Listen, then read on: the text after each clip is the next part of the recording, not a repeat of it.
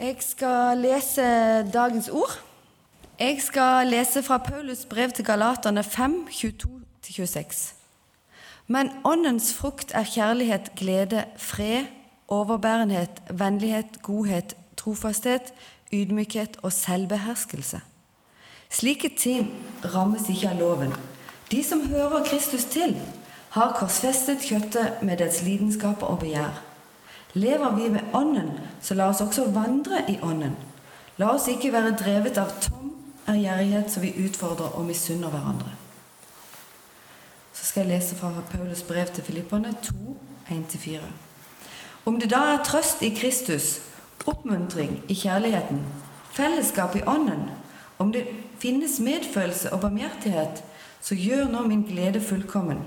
Ha samme sinnelag og samme kjærlighet, Vær ett i sjel og sinn. Gjør ikke noe av selvhevdelse og tom ærgjerrighet, men vær ydmyke og sett de andre høyere enn dere selv. Tenk ikke bare på deres eget beste, men også på de andres. Hva slags tre er dette? Er det noen som tør å prøve seg? Epletre, sier det her. Det er helt rett. Hva slags tre er dette? Noen sier vel ikke banantre, kanskje en bananplante, men det er helt riktig. Den siste, hva slags tre er dette?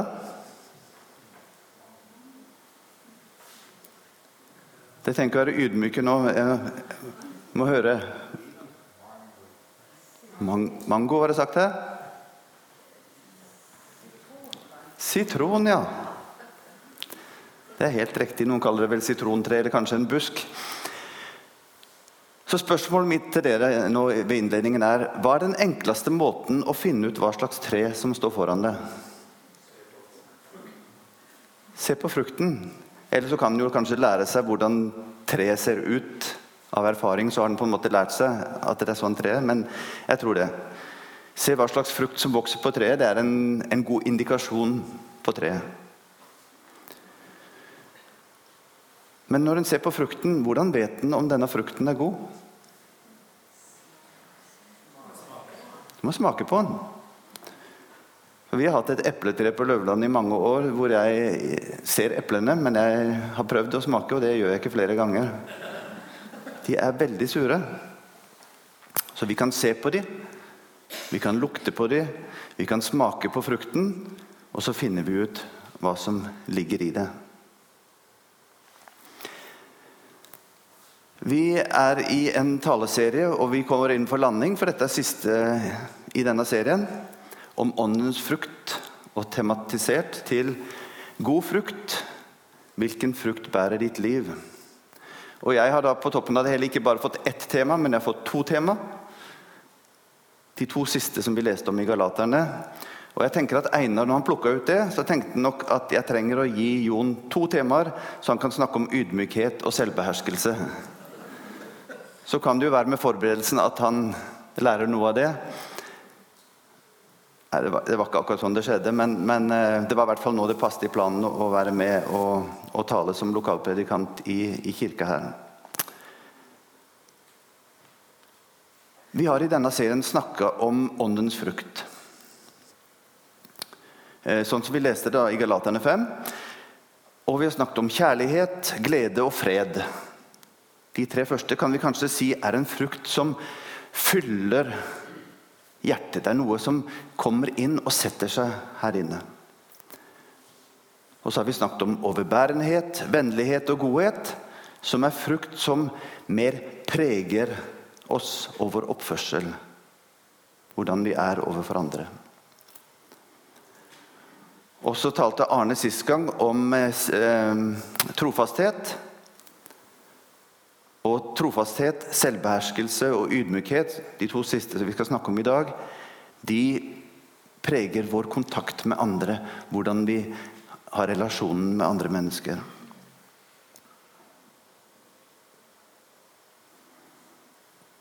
Har du fått det med? Og Jeg har brukt dette eksempelet av et epletre i dag. Og for å snakke om ydmykhet, Vi skal snakke om ydmykhet og selvbeherskelse. og Jeg begynner med ydmykhet. Og Da har jeg lyst til å starte med noe som en veldig kjent person, som sikkert mange av dere har hørt om, C.S. Lewis, han sa noe om ydmykhet. Og Han ga det som en beskrivelse. Hvis du møter en ydmyk person, hvordan ser det ut? Da mener Louis at han ikke vil være tilgjort og overdrevent høflig som alltid snakker seg sjøl ned som om at han er ingenting. Det er en liksom feil måte ydmykhet. Sannsynligvis vil vi tenke at han er en glad, intelligent fyr, og som virkelig viser interesse for det vi har å si. Om vi misliker denne personen, så er det kanskje fordi vi blir misunnelige over at noen kan ha og ta livet så enkelt. Denne fyren, ydmyke fyren vil ikke tenke så mye på ydmykhet. Han vil faktisk ikke tenke på seg selv i det hele tatt. For ifølge Louis så er ydmykhet tenke, ikke det å tenke mindre om seg selv, men å tenke mindre på seg selv. Hvem tenker dere en sånn beskrivelse kunne passe på? Jeg vet at ikke det er på meg, i hvert fall ikke ennå, men, men uh, hvem tenker dere en sånn beskrivelse av en ydmyk person kunne passe på?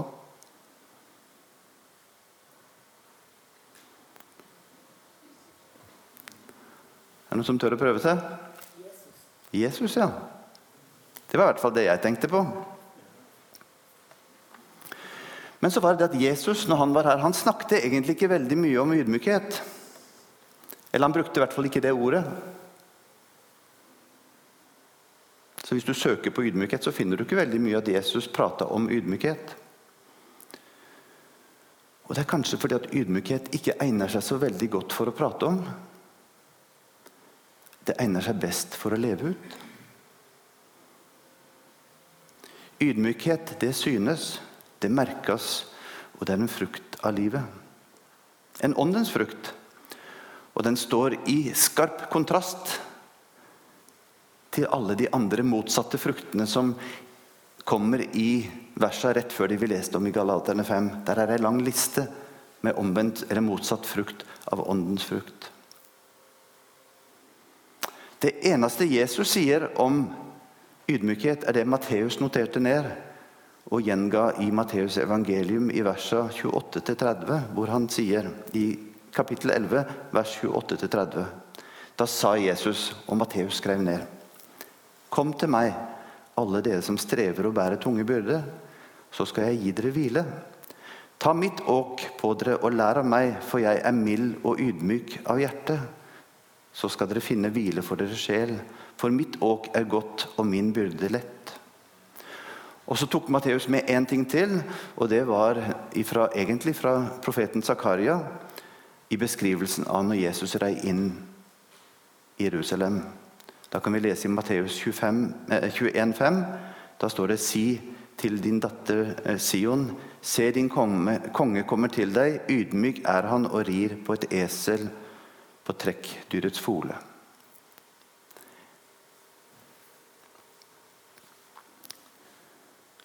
Paulus derimot, han snakker mye om ydmykhet. Mange ganger, Han driver jo med brevskrivning til menigheter som han har planta, og som han da følger opp som en slags menighetsrådgivning. Og I brevet til filipperne så skriver han det vi hørte om her i skriftlesningen. Om det da er trøst i Kristus, oppmuntring i kjærligheten, fellesskap i ånden, om det fins medfølelse og barmhjertighet, så gjør nå min glede fullkommen. Ha samme sinnelag og samme kjærlighet, vær ett i sjel og sinn. Gjør ikke noe av selvhevdelse og tom ærgjerrighet, men vær ydmyke og sett de andre høyere enn dere selv. Det er gode beskrivelser av hva ydmykhet er. Tenk ikke bare på deres eget beste, men også på de andres. La samme sinnelag være i dere som det var i Kristus Jesus. Han var i Guds skikkelse og så det ikke som et rov å være Gud lik, men ga avkall på sitt eget, tok på seg en tjeners skikkelse og ble menneskelik da han sto fram som menneske. For, fornedret han seg selv og ble lydig til døden, ja, døden på korset. Derfor har også Gud opphøyd ham til det høyeste og gitt ham navnet over alle navn. I Jesu navn skal derfor hvert kne bøye seg i himmelen, på jorden og under jorden, og hver tunge bekjenne at Jesus Kristus er Herre, til Guds Faders ære. Det motsatte av ydmykhet som vi hører om her, er det altså selvhevdelse, å tenke bare på seg selv, personlig berømmelse, personlig suksess, gjerne på bekostning av andre og andres rett. En 'jeg skal bli større'-tankegang. Men som Louis sa, ydmykhet er ikke å tenke mindre om seg selv, men å tenke mindre på seg selv. Jesus viser oss hva ydmykhet er. Han plasserte seg selv nederst, tok på seg en tjenerskikkelse og tjente andre. Han ga seg selv for andre, og han var ydmyk av hjerte. Så min oppsummering på ydmykhet blir vi vet hva ydmykhet er når vi ser på Jesus.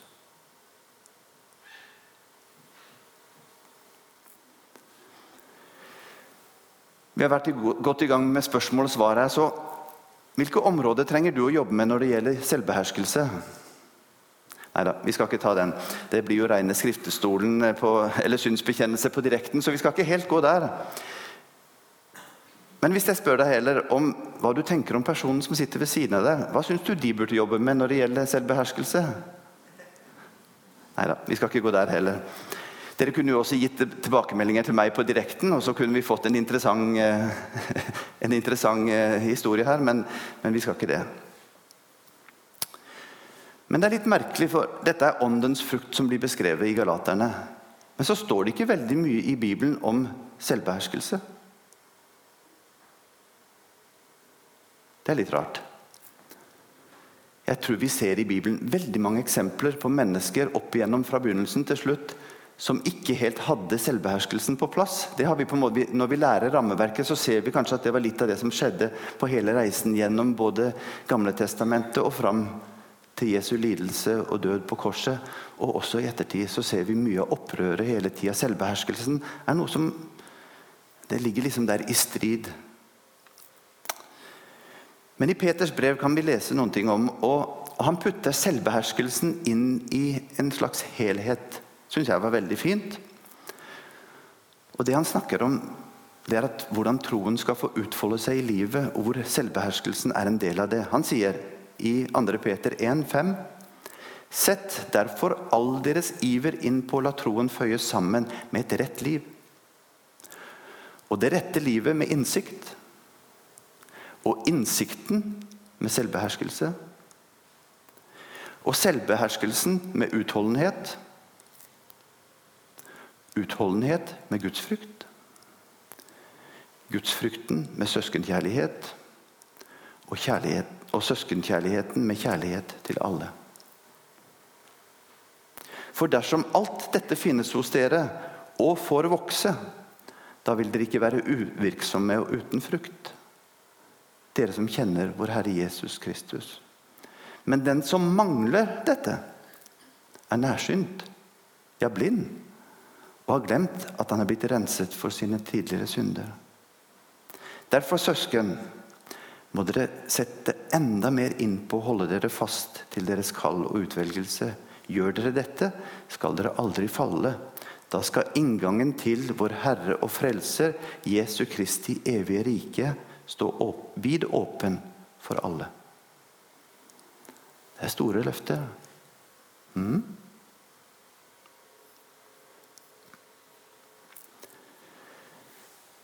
I påsken kom Tonje hjem, og hun hadde sett en serie. og vi har begynt å se på den. Det er en filmproduksjon som er i gang. Det kommer episoder hele tida og heter The Chosen. Det er en filmatisering av Jesu liv. Den er helt fantastisk. Jeg har aldri sett noe. Jeg sitter og ser på disse seriene, og tårene bare renner. Jeg blir så grepet av Jesu liv, og hvordan de har klart å hente smådetaljer fra bibelhistorien inn. Og den bare fyller hele rommet på en helt fantastisk måte. Og der har jeg sett, og det jeg legger merke til med noen av de episodene det, En ting er at de er ekstremt gode på historiefortelling og får med seg disse detaljene. Men å se Jesus, hvordan han blir framstilt, hvordan han holder igjen, hvor han sier 'Det er ikke min tid ennå', eller i møte med de skriftlærde, når de trigger en litt, hvordan han holder tilbake, hvordan selvbeherskelsen ligger der. I møte med alle menneskene som har alle behovet. Han klarer å møte de, han holder seg inne. Så Jesu liv det viste en vei til en forståelse. Han hadde makt. Men han brukte den ikke til å fremme sin egen sak, men sin fars vilje. Og Det er kanskje noe av det som er kjernen i selvbeherskelse.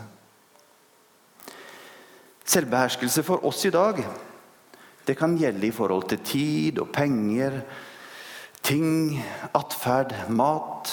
Den lista er lang. Og vi har mange ting som kan utfordre oss på vår selvbeherskelse. Alle disse tingene er egentlig gode. Men de kan, de kan, fort snu seg og få negativ effekt på oss om vi mangler selvbeherskelse. Spesielt hvis misunnelsen kommer inn. Misunnelsen for det andre har, og som utfordrer vår selvbeherskelse og selvkontroll. Og Dårligst er dette når det går utover andre eller er til fare for andre. Når manglende selvbeherskelse preger vår kontakt med andre mennesker. Og så tenker jeg akkurat her, som med ydmykhet, at vi vet hva selvbeherskelse er når vi ser på Jesus og har han som forbilde.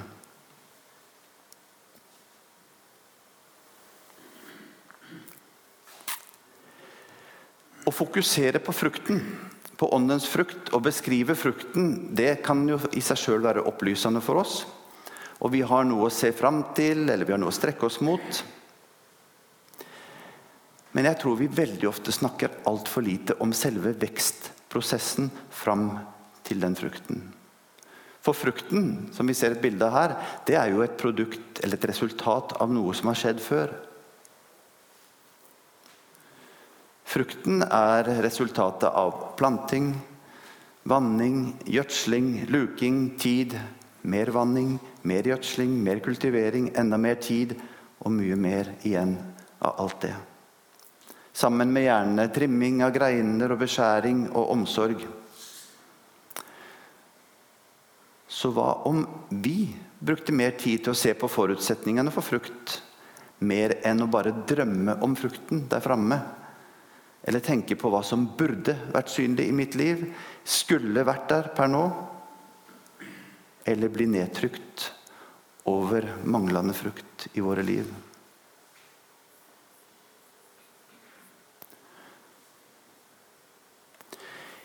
I menighetsrådgivning som jeg jobber med til daglig, og i samtale med prester og ledere rundt i landet, så, så kommer vi ofte i prat om hvordan ting går. Og nesten uten unntak, når jeg spør hvordan ting går, og kanskje spørsmåla ikke er riktig stilt, men i hvert fall så kommer det tilbake til kvantitet. Vi var 60 på gudstjenesten, vi var 25 eller vi var 120. Akkurat som det forteller hele sannheten om hvordan det går, eller hvordan sunnheten eller tilstanden er. Antall i frukt kan i beste fall si noe om kvantiteten, men det sier ingenting om kvaliteten på den frukten. Det sier heller ikke noe om hvordan veksten skjer, hvilket plantings-, vannings- og kultiveringsarbeid som foregår for et fremtidig resultat. Som egentlig er mye viktigere enn akkurat frukten her og nå. Og vi, Hva tenker dere på når dere ser det eplet? Er det noen som fikk lyst på eple? For vi tenker på eplet, og så tenker vi nytelsen av frukten. Men hensikten eller potensialet som ligger i denne frukten, i tillegg til å nyte smaken og saftigheten, er jo at det fins frø i det til nye trær. Og Hvis vi tar en parallell til det til våre liv, så er det jo sånn av frukten av en disippel. I våre øyne så blir vi veldig opptatt av ting som et godt fellesskap, gode taler, gode sanger, at mange kommer, at vi har det hyggelig og trygt og fint og alt er greit her inne. Men det var ikke det som var frukten, som skulle være frukten av oss som disipler. Som disippelgjorte skulle frukten være det Jesus sendte oss ut til å gjøre, var å gå og gjøre disipler. På samme måte som et eple kan bli til nye epletrær, så var det disiplene. Og frukten av en disippel er nye disipler. Derfor tror jeg vi må grave litt under. For å finne ut hva som egentlig skjer, så må vi ned et nivå under treet. For frukten er et resultat av kontakten treet har med underlaget gjennom røttene opp i stammen og ut i greinene til moden frukt. I tillegg til lys og vann og varme. Vekstprosessen og utviklingen den avgjør oss av hvor godt rotsystemet er. Om treet får næring, at det blir stående robust, at det er feste i underlaget, og det tåler en storm og uvær. Allikevel så bærer det frukt. Men så er det noe som forstyrrer oss. Og Bibelen har, og som vi kan lese om i Galaterne 5 også, har de lange lister av dette som er motsatt av god frukt. Det er synden. Den angriper røttene og hemmer veksten. Som gjør at rotsystemet ikke får feste seg, eller kanskje det til og med råtner. Og vil gjøre at treet velter over ende hvis det kommer en skikkelig storm. En som heter Andy, Andy Stanley, han har sagt det sånn Get rid of your demons, otherwise they will get down into your basement lifting weights. Det betyr oversatt noe sånt som det her. Jag ut det som binder deg, synden, ellers vil den trenge ned i kjelleren din, eller ned i røttene, og der vil den begynne å løfte vekter. Og hva skjer når du begynner å løfte vekter? Du får mer og mer muskler. Så det som får lov til å skje nede i røttene i kjelleren din, det begynner å få kraften over deg og få makten over deg. Og det kan ta kontrollen nede i rotsystemet.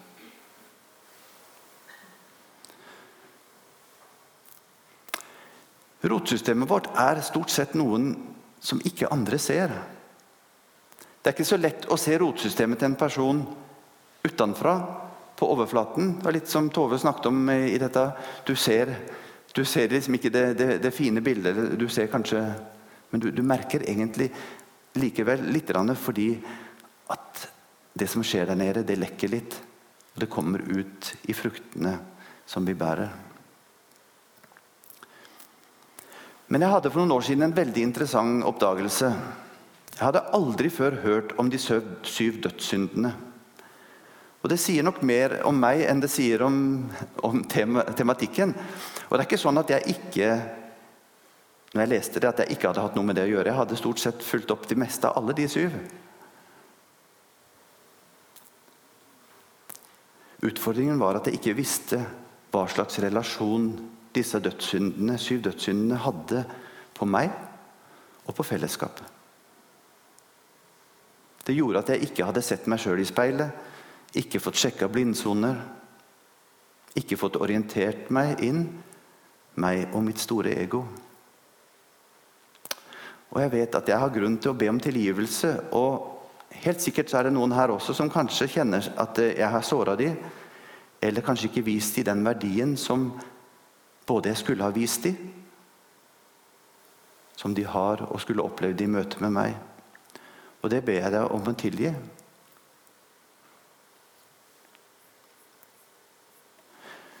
Men gjennom denne undervisningen så har jeg fått begynne å studere på noen drivkrafter, noen drivkrefter som ligger i bunnen av oss.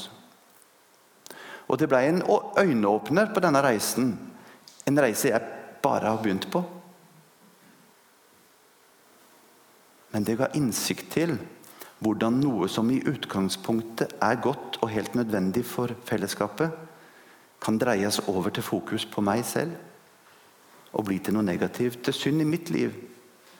Til noe som angriper rotsystemet og hindrer veksten. Og vi skal kikke litt på det.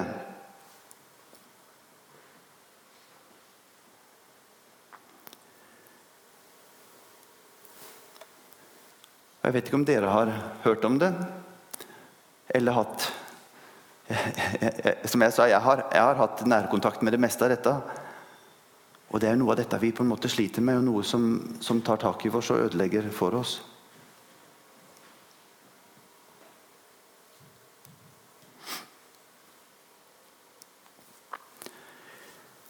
Naturlig menighetsutvikling har satt et fokus på det livsnære fellesskapet og hvordan vi med den vi er, kan bidra inn i fellesskapet.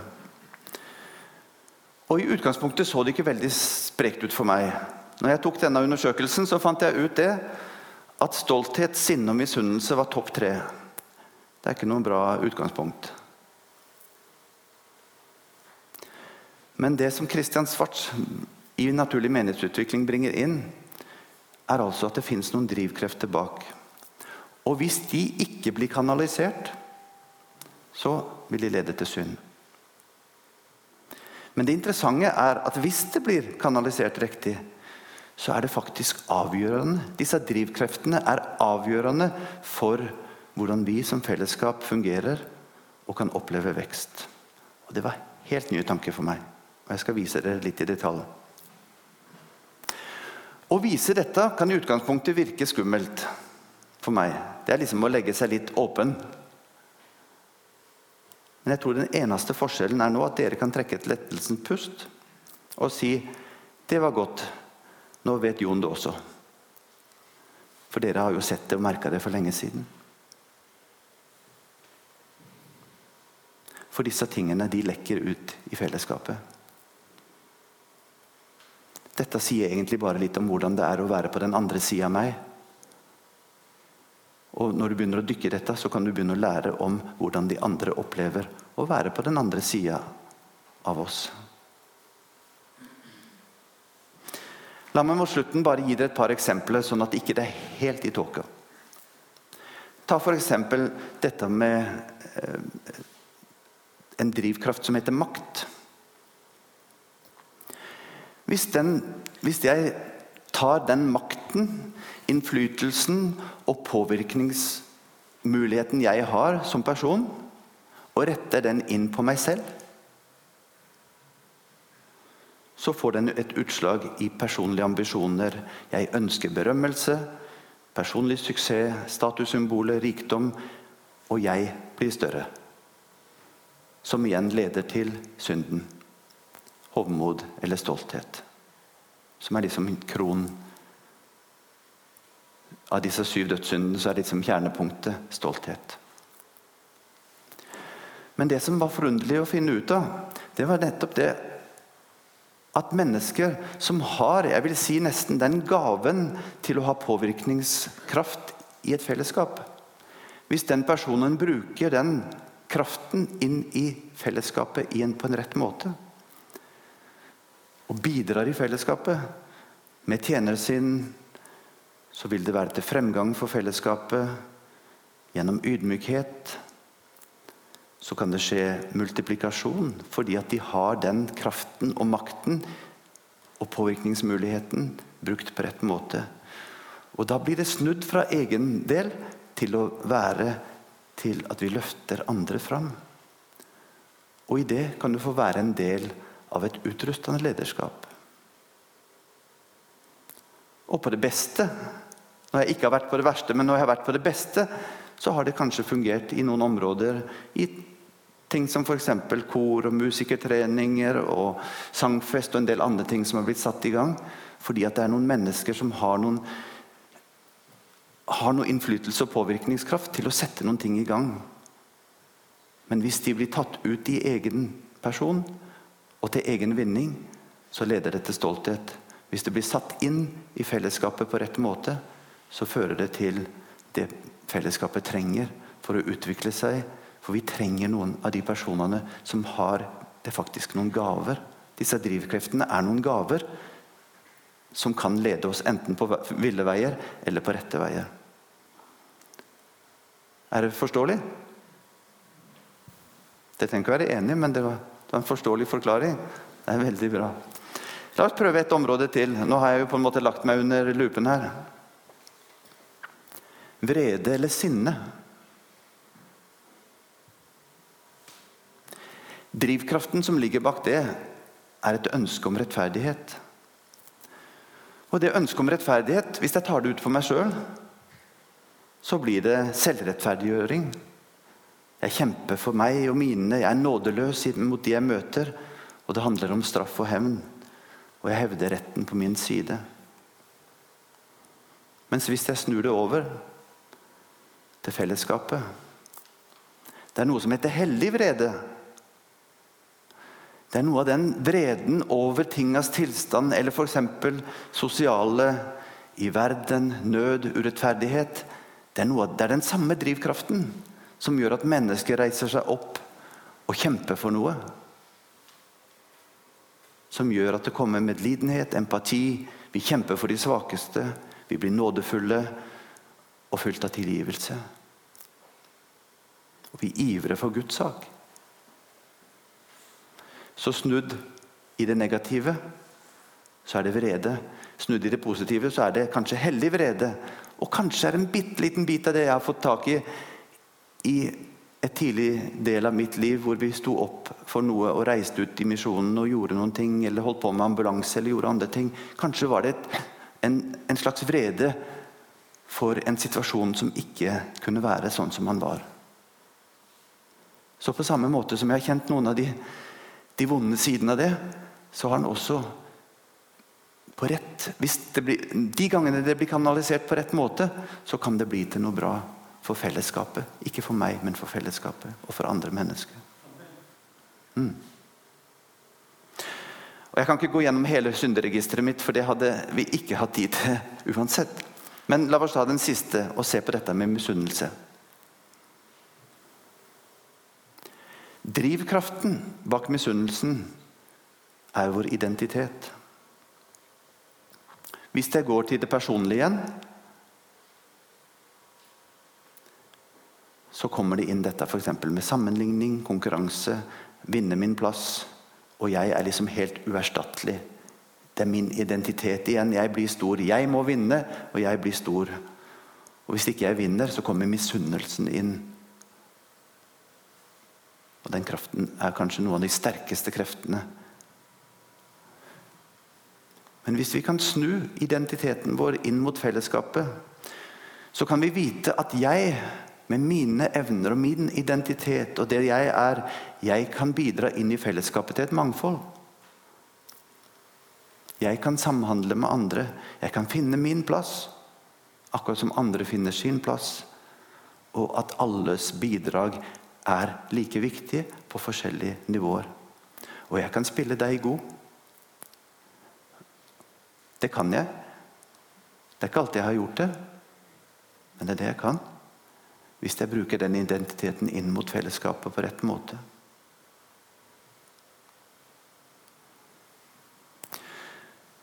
Denne innsikten for meg har gjort at jeg kan begynne, begynne å strekke kanskje røttene litt dypere. Som gjør at jeg kanskje kan strekke røttene litt bredere. Jeg leste om redwood-trærne, et treslag som også Bøkeskogen i Larvik er en del av. De har ikke røtter som går veldig dypt, men de har røtter som går veldig langt. Og det de gjør, er at de hekter seg fast i røttene på trærne som står ved siden av. Og Det er akkurat som et fellesskap som holder tak. Når de store kronene på de høye stammene står der og blåser i stormen, fordi om ikke de har så dype røtter, så holder skogen fast i hverandre. Trærne passer på hverandre lener seg på hverandre. Og Det er kanskje litt av det vi trenger i fellesskapet. Ikke bare bibelstudier som går så dypt at vi nesten driver med, med brønnboring. Men vi trenger kanskje også noe At vi strekker litt røttene over i fellesskapet. Og griper tak i hverandre og holder fast når det blåser. I Metodistkirken helt fra starten av så var det akkurat denne praksisen som var helt vanlig. Når Metodistkirken var en bevegelse, så spredde den seg gjennom små gruppefellesskap av mennesker som holdt fast i hverandre.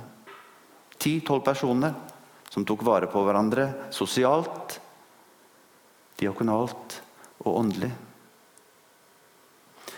Det var den modellen vi prøvde for en seks, sju, åtte år siden å starte med livsnære grupper. Vi hadde et håp om at alle i menigheten skulle være med i en livsnær gruppe. Så fikk vi kanskje ikke den deltakelsen og den entusiasmen som vi så den gangen. Ikke den veksten og ikke den celledelingen.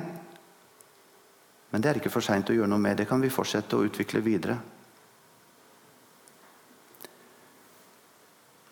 Jeg tror bare vi trenger å forstå hvor viktig dette er for mitt liv, men også for de andres liv som holder fast i hverandre. For fellesskapet. Og jeg tror at i de små fellesskapene er der det er best vekstgrunnlag for åndens frukt.